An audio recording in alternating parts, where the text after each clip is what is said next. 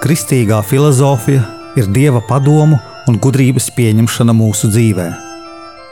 Mīlēt gudrību nozīmē mīlēt dievu, jo no dieva nāk patiesā gudrība. Raidījums Kristīgā filozofija.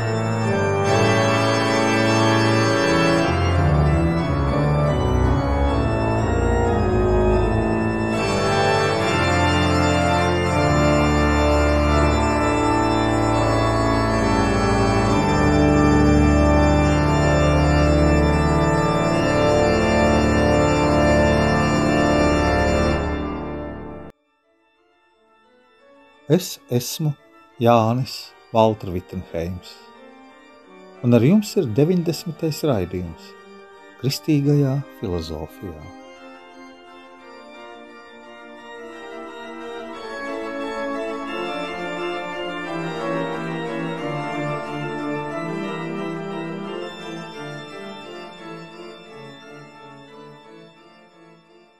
Mēs visi mīlam patiesību.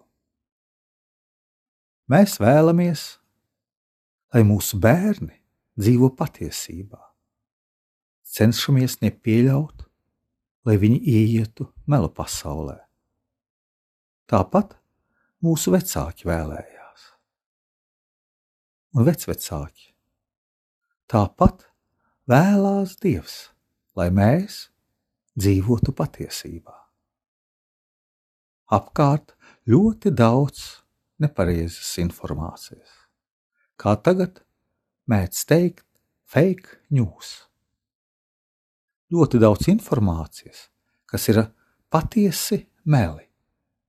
Un tādēļ, ja cilvēks turās vairāk pie dieva, izzina dievu, viņš spēj pareizāk virzīties un virzīt savu garu mīlot patiesību, filozofiski ieskatīsimies vidē, kur cenšamies dzīvot ar Jēzu Kristu, kur cenšamies dzīvot savā ģimenē, savā vidē, savā draudzē, baznīcā. Cilvēki baznīcu bieži apspriež no ārēji redzamā, kas visbiežāk ir kā putekļi uz Bībeles, kas nav atvērta. Otrs līmenis ir dzirdēt Dieva vārdu un tā skaidrojumu. Un mums jāsaprot, kā mēs varam tālāk skatīties. Skaidrojums tiek ietērpts gan klusumā, gan skaļas mūzikas apģērbā, atkarībā no cilvēkiem. Vienam cilvēkam garu piesaista skaļa mūzika, citam zvanu skaņa, citam lūkšanas no minareta. Citu piesaista klusums, jo viņš saka, ka tikai tad var viņš saklausīt savā garā dieva balsi savā garā, savā dialogā ar Dievu. Tas viss ir putekļu klājums mūsos, kas neļauj sadzirdēt, ko Kristus saka. Bet Kristus saka, mana valstība nav no šīs pasaules, un tādēļ augstāka par šo pasauli. Tiešām tā ir augstāka par matēriju, jo Kristus saka, es uzvarēju pasauli.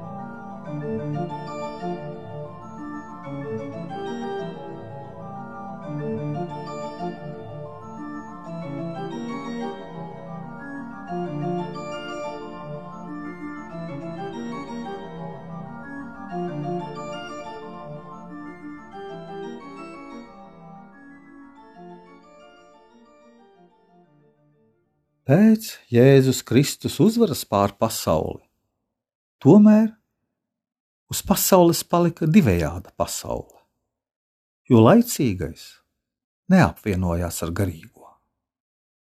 Baznīca nepakļāva sev laicīgo pasauli, jo projām pasaulē ir divas varas. No reliģiozā viedokļa var būt tikai viena atbilde.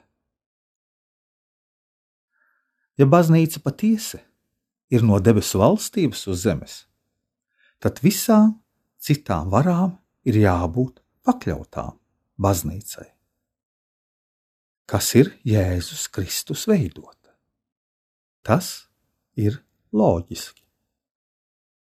Ja baznīca ir ar Dievu visu pirmsākumu, tad vispārējais ir atkarīgs, pakļaujošs baznīcai draudzē, no kurām mēs esam atkarīgi, saistīti un kurās mēs darbojamies.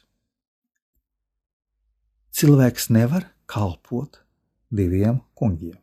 Mēs to zinām. Jautājums būtu šāds: vai laicīgā vara var būt pilnībā atdalīta no garīgās? Vai cilvēka ārējās, laicīgās intereses var būt pilnībā atdalītas no cilvēka iekšējām, garīgajām interesēm. Kā es mēdzu teikt, no otra, no iekšējā cilvēka. Garīgā savienība, baznīca, ir tā, kurai faktiski vajadzētu pakļaut laicīgo pasauli, to paceļot līdz garīguma virsotnēm veidojot laicīgo sabiedrību par savu ķermeni. Cilvēks tikai tādēļ var tiekties un savienoties ar Dievu, ar visa pirmsākumu, ar visu spēku, pamatu visu, jo gars, kā dievišķā sākuma avots, ir cilvēkā, katrā no mums. Ja gars nesakņotos cilvēka dvēselē, viņa personā, viņa personībā varētu teikt, tad cilvēks par dievišķo sākumu būtu tam pakļauts, nevis brīvs. Brīvā, iekšējā saikne cilvēkā pret dievišķo sākumu iespējama tādēļ, ka pašai cilvēka personai ir liela un ļoti, ļoti svarīga nozīme Dieva plānā.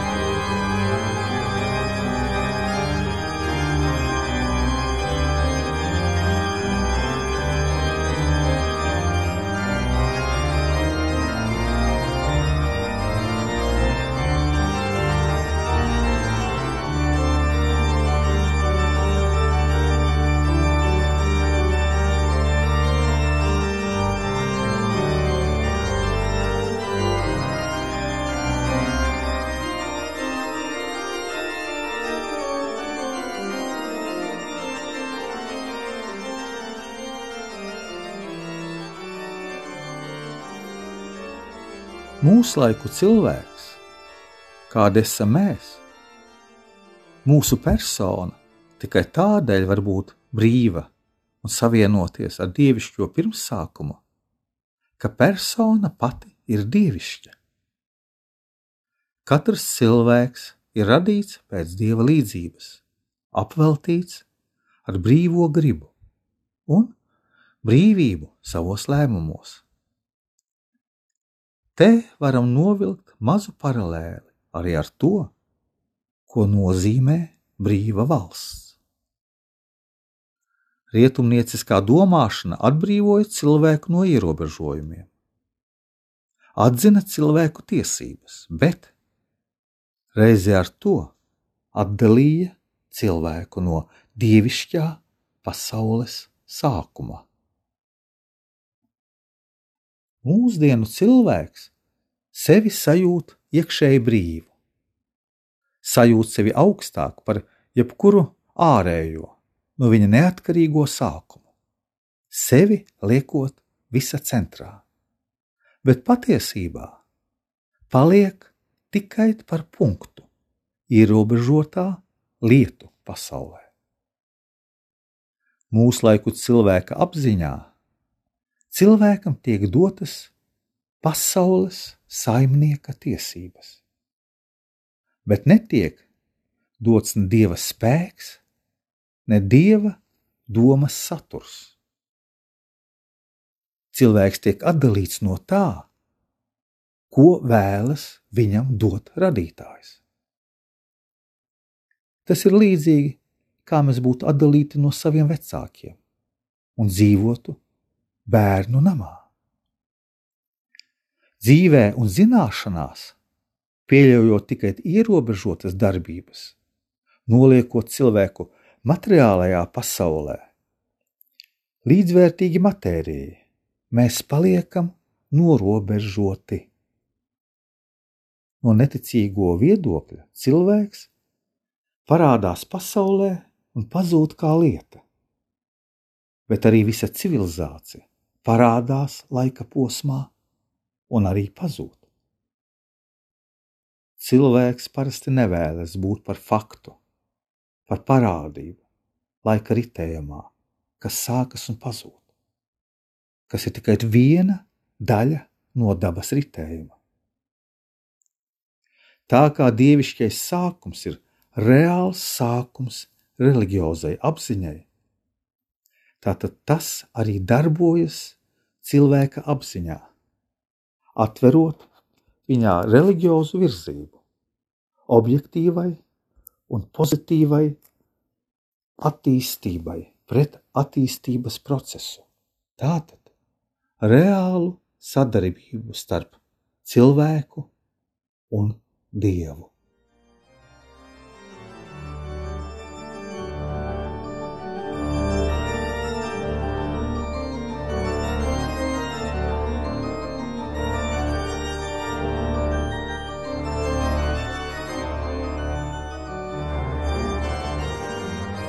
Es esmu Jānis Valtra Vitsenheims, un jūs klausījāties 90. raidījumu Kristīgajā filozofijā - Cilvēks un Dievs.